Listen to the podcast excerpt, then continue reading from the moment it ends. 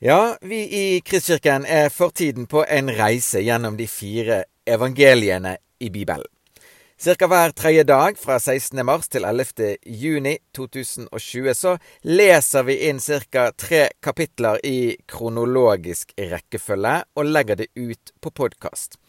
Målet og håpet er at vi kan få et styrket forhold til evangeliene, men ikke minst et fordypet forhold til Jesus, han som er evangelienes hovedperson. De fire evangeliene er som kjent forfattet av Matteus, Markus, Lukas og Johannes, og i dag starter vi opp på Lukas sitt skrift. Det er det lengste av de fire, inndelt i 24 kapitler, og Lukas skiller seg fra de andre forfatterne på flere måter. For det første er han den eneste av de som ikke er jødisk. I motsetning til Matteus, som i stor grad henvender seg til jødiske lesere, synes Lukas å ville henvende seg til de mange av oss som ikke har jødiske røtter. Dette er da en av eh, Lukas' kjernesaker. Altså evangeliet om Jesus er for alle mennesker. Jøder og ikke-jøder. Og det poenget når sitt klimaks i Lukas 19, hvor Jesus møter tolleren Sakkeus og sier at 'Jeg er kommet for å søke å frelse det som var fortapt'. En annen side ved Lukas er at han var lege. Det er verdt å merke seg to ting i den anledning. For det første hans eh, studerende tilnærming til fortellingen om Jesus, noe han kommer innom innledningsvis, men ikke minst skinner det en barmhjertighetens åre i hans skriv. Jesu omsorg for de fattige og vanskeligstilte, og hans inkluderende, respektfulle omgang med kvinner som på den tiden var svært radikalt.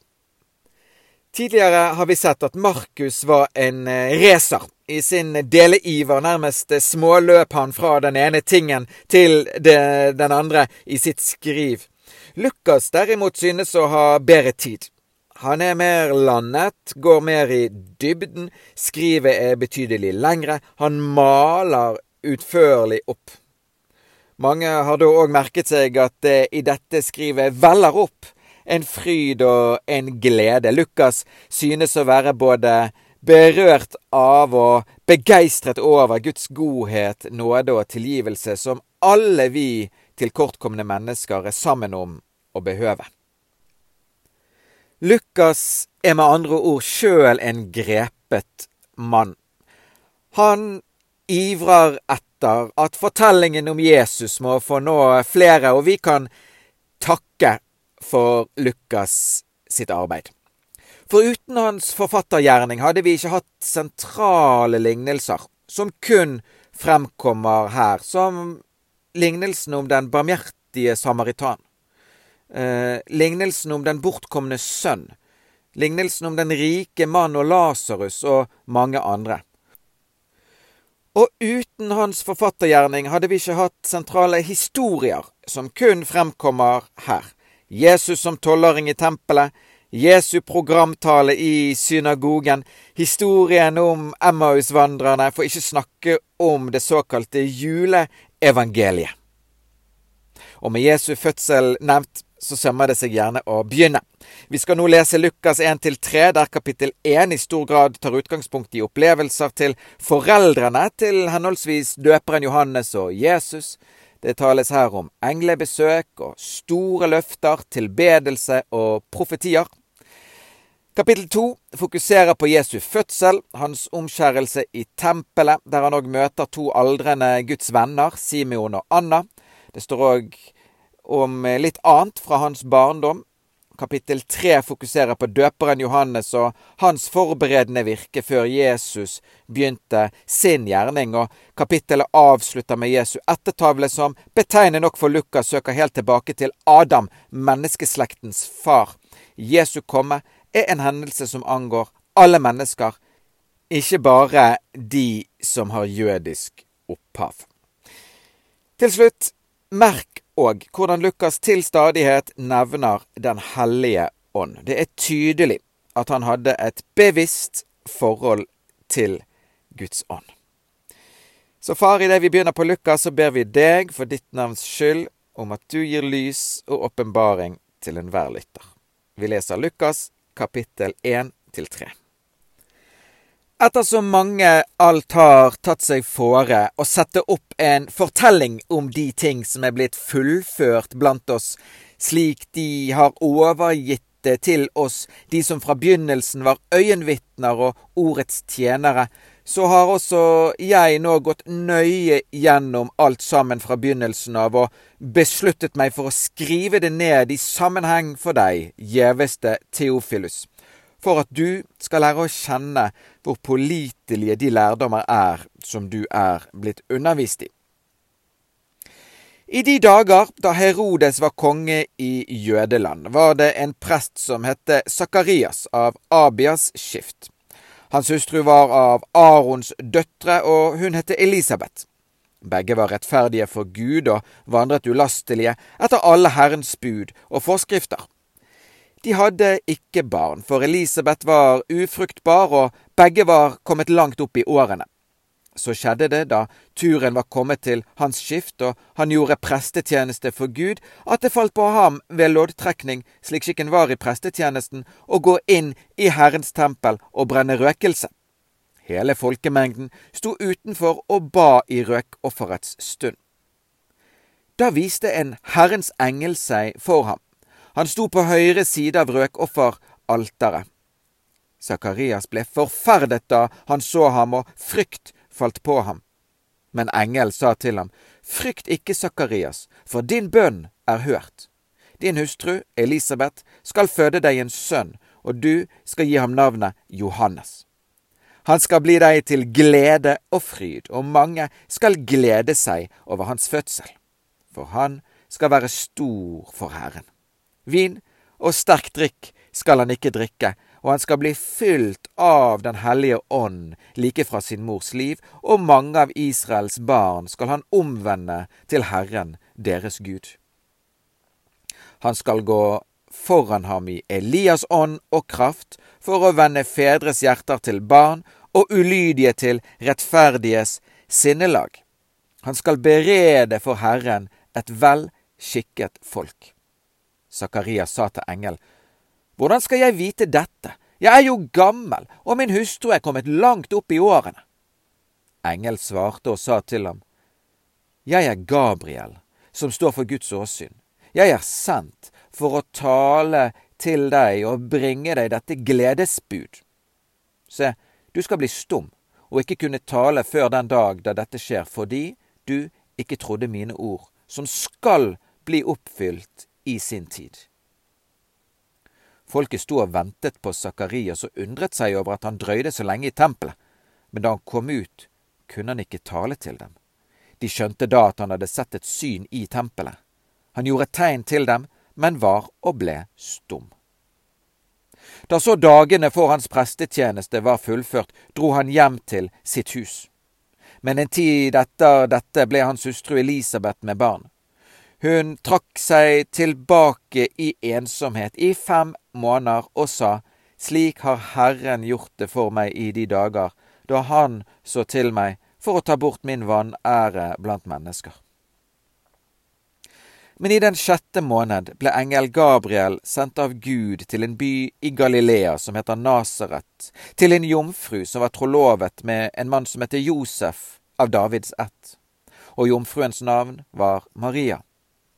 Engelen kom inn til henne og sa, Vær hilset, du som har fått nåde. Herren er med deg, velsignet er du blant kvinner. Men hun ble forferdet over hans ord og grunnet på hva slags hilsen dette kunne være. Og engelen sa til henne, Frykt ikke, Maria, for du har funnet nåde hos Gud. Se, du skal bli med barn og føde en sønn, og du skal gi ham navnet Jesus. Han skal være stor og kalles den høyestes sønn. Gud Herren skal gi ham hans far Davids trone, og han skal være konge over Jakobs hus til evig tid.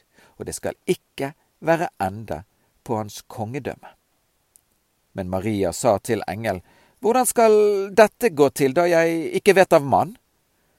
Engel svarte og sa til henne, Den hellige ånd skal komme over deg, og den høyestes kraft skal overskygge deg. Derfor skal altså det hellige som blir født, kalles Guds sønn.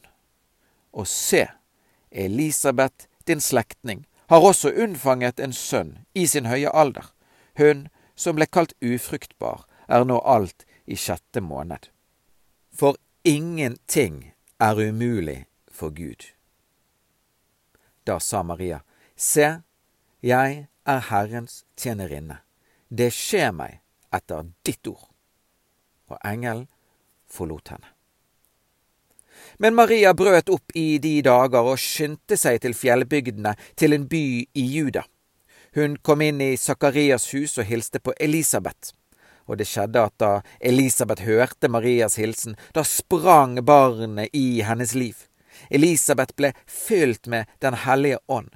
Hun ropte med høy røst og sa, Velsignet er du blant kvinner, og velsignet er frukten av ditt mors liv. Hvordan kan dette hende meg at min Herres mor kommer til meg? For se, da lyden av din hilsen nådde mitt øre, sprang barnet i mitt liv av fryd. Salig er hun som trodde, for fullbyrdet skal det bli som er sagt henne av Herren. Og Maria sa, Min sjel opphøyer Herren, og min ånd fryder seg i Gud, min frelser, fordi han har sett til sin tjenerinnes ringhet. For se, fra nå av skal alle slekter prise meg salig, fordi Han har gjort store ting mot meg. Han, den mektige, og hellig er Hans navn. Hans miskunn er fra slekt til slekt over dem som frykter ham. Han gjorde storverk med sin arm, han spredte dem som var overmodige i sitt hjertes tanker. Han støtte mektige ned av deres troner og opphøyet de små. Hungrende mettet han med gode gaver, men rikfolk sendte han tomhendte bort. Han tok seg av Israel, sin tjener, for å komme i hu sin miskunn, slik han hadde talt til våre fedre, mot Abraham og hans ett, evig tid. Og Maria ble hos henne omkring tre måneder, så vendte hun hjem til sitt hus. Tiden var nå kommet da Elisabeth skulle føde, og hun fødte en sønn. Og da hennes naboer og slektninger fikk høre at Herren hadde vist sin store miskunnet mot henne, gledet de seg sammen med henne. På den åttende dag skjedde det så at de kom for å omskjære barnet, og de ville kalle ham Sakarias etter faren. Men da tok hans mor til orde og sa nei, han skal hete Johannes. De sa til henne, det er da ingen i din slekt som har det navnet. De gjorde så tegn til hans far for å få vite hva han ville at barnet skulle hete. Han ba da om en tavle og skrev disse ord. Johannes er hans navn. Og de undret seg alle. Men i det samme ble hans munn åpne og hans tunge løst, og han talte og lovet Gud. Og det kom frykt over alle som bodde der omkring, og i hele fjellene, i Judea, talte de med hverandre om alt dette som hadde hendt. Alle som hørte om det, la seg det på hjertet, og de sa, Hva skal det da bli av dette barn? For Herrens hånd var med ham. Og hans far, Sakarias, ble fylt av Den hellige ånd. Han talte profetisk og sa, Lovet være Herren, Israels Gud, fordi han så til sitt folk og forløste det.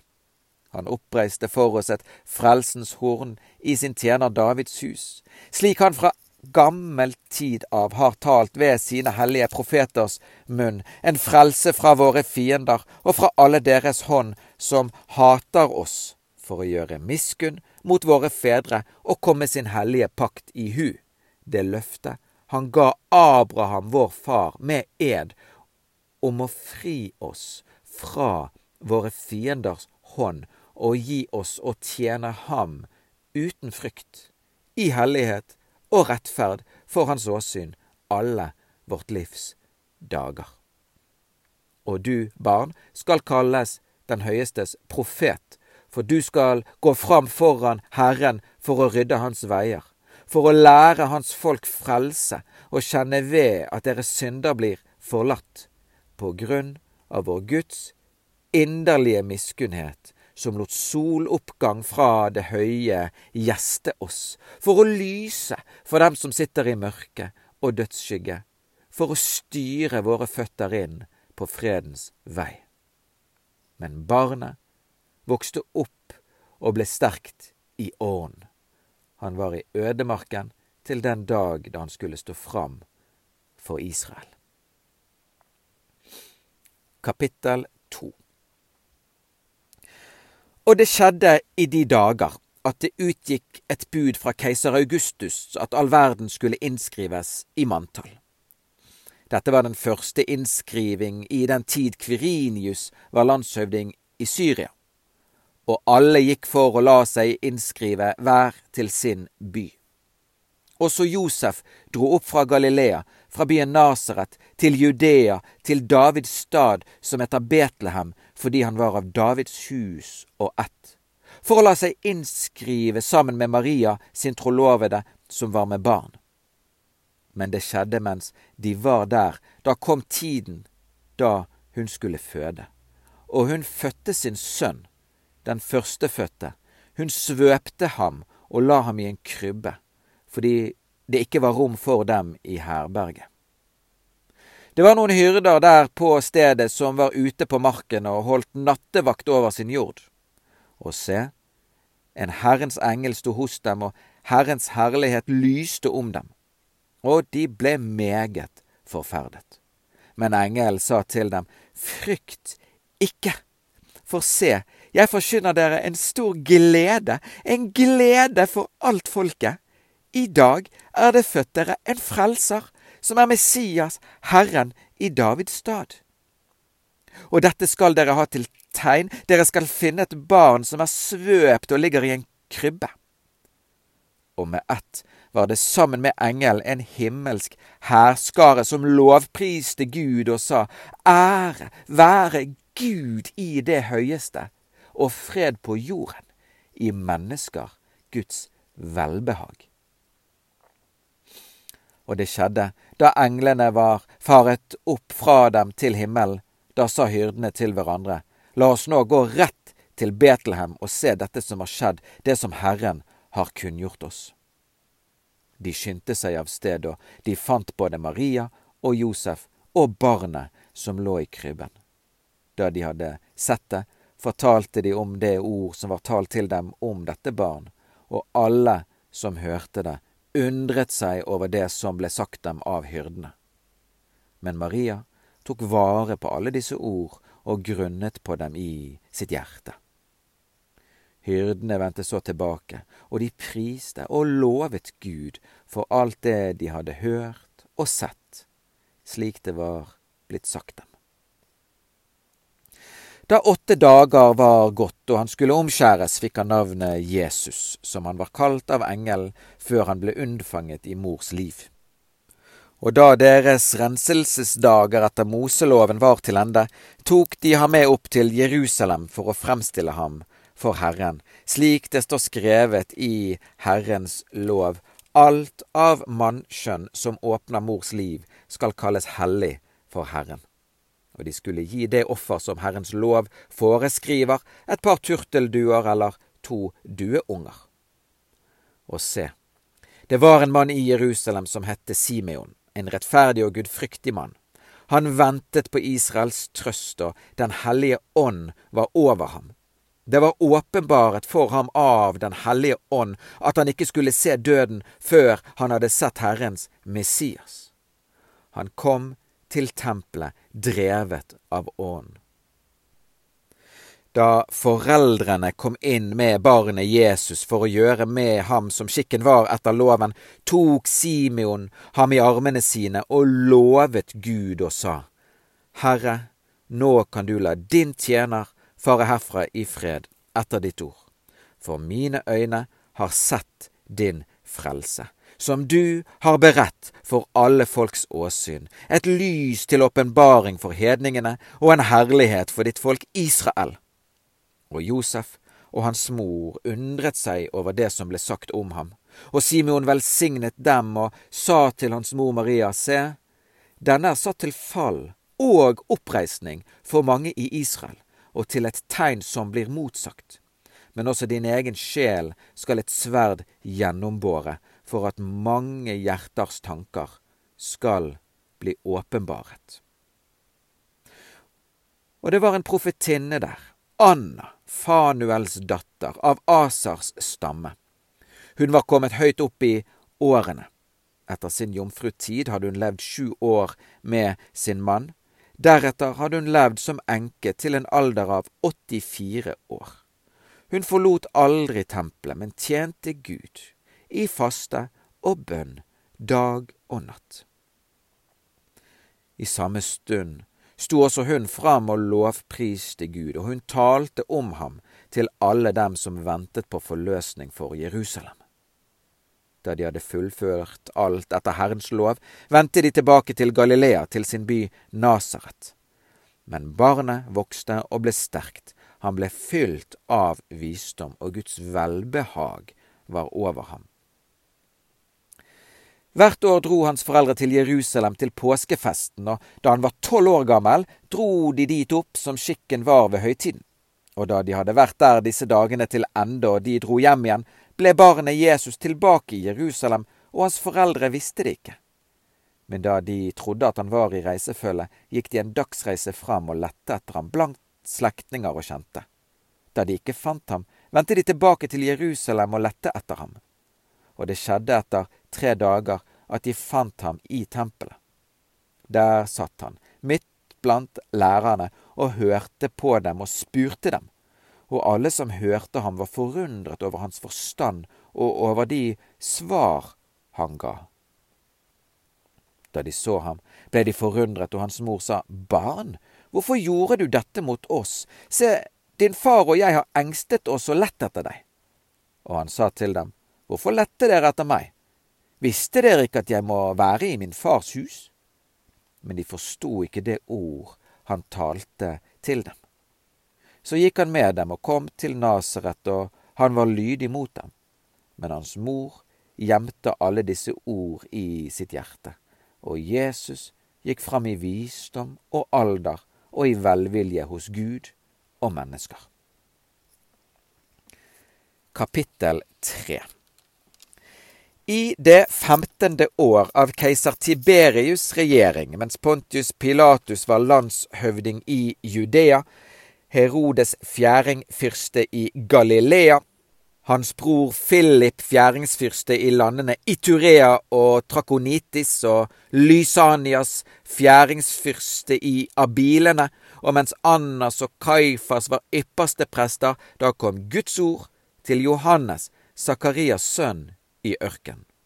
Og han dro omkring i hele landet ved Jordan og forkynte omvendelsesdåp til syndenes forlatelse som det står skrevet i boken med profeten Jesajas ord, det er en røst av en som roper i ørkenen, rydd Herrens vei, gjør hans stier rette. Hver dal skal fylles opp, hvert fjell og hver haug skal senkes, det krokete skal rettes ut, og de ujevne veier skal bli jevne, alt kjød skal se Guds frelse. Han sa da til folket som dro ut til ham for å bli døpt av ham, Ormeyngel, hvem lærte dere å flykte fra den kommende vrede? Bær da frukt som er omvendelsen verdig. Begynn ikke å si til dere selv, vi har Abraham til far. For jeg sier dere, Gud kan vekke opp barn for Abraham av disse steinene. Øksen ligger allerede ved roten av trærne. Hvert tre som ikke bærer god frukt, blir hogd ned og kastet på ild. Folket spurte ham og sa, Hva skal vi da gjøre?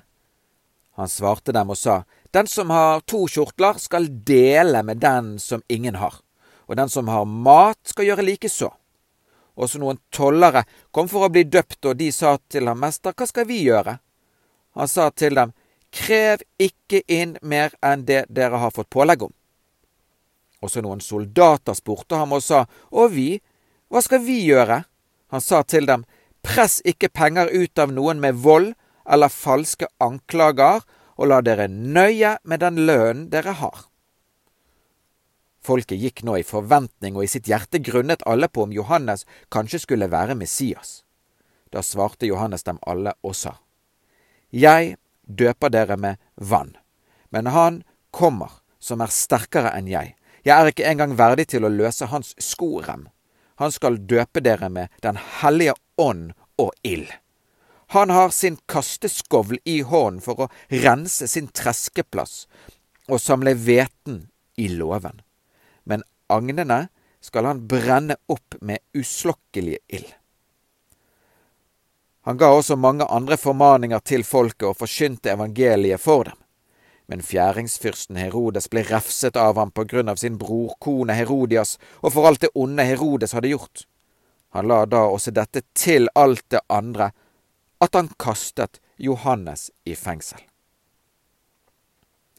Men det skjedde da alt folket lot seg døpe og Jesus var blitt døpt og ba.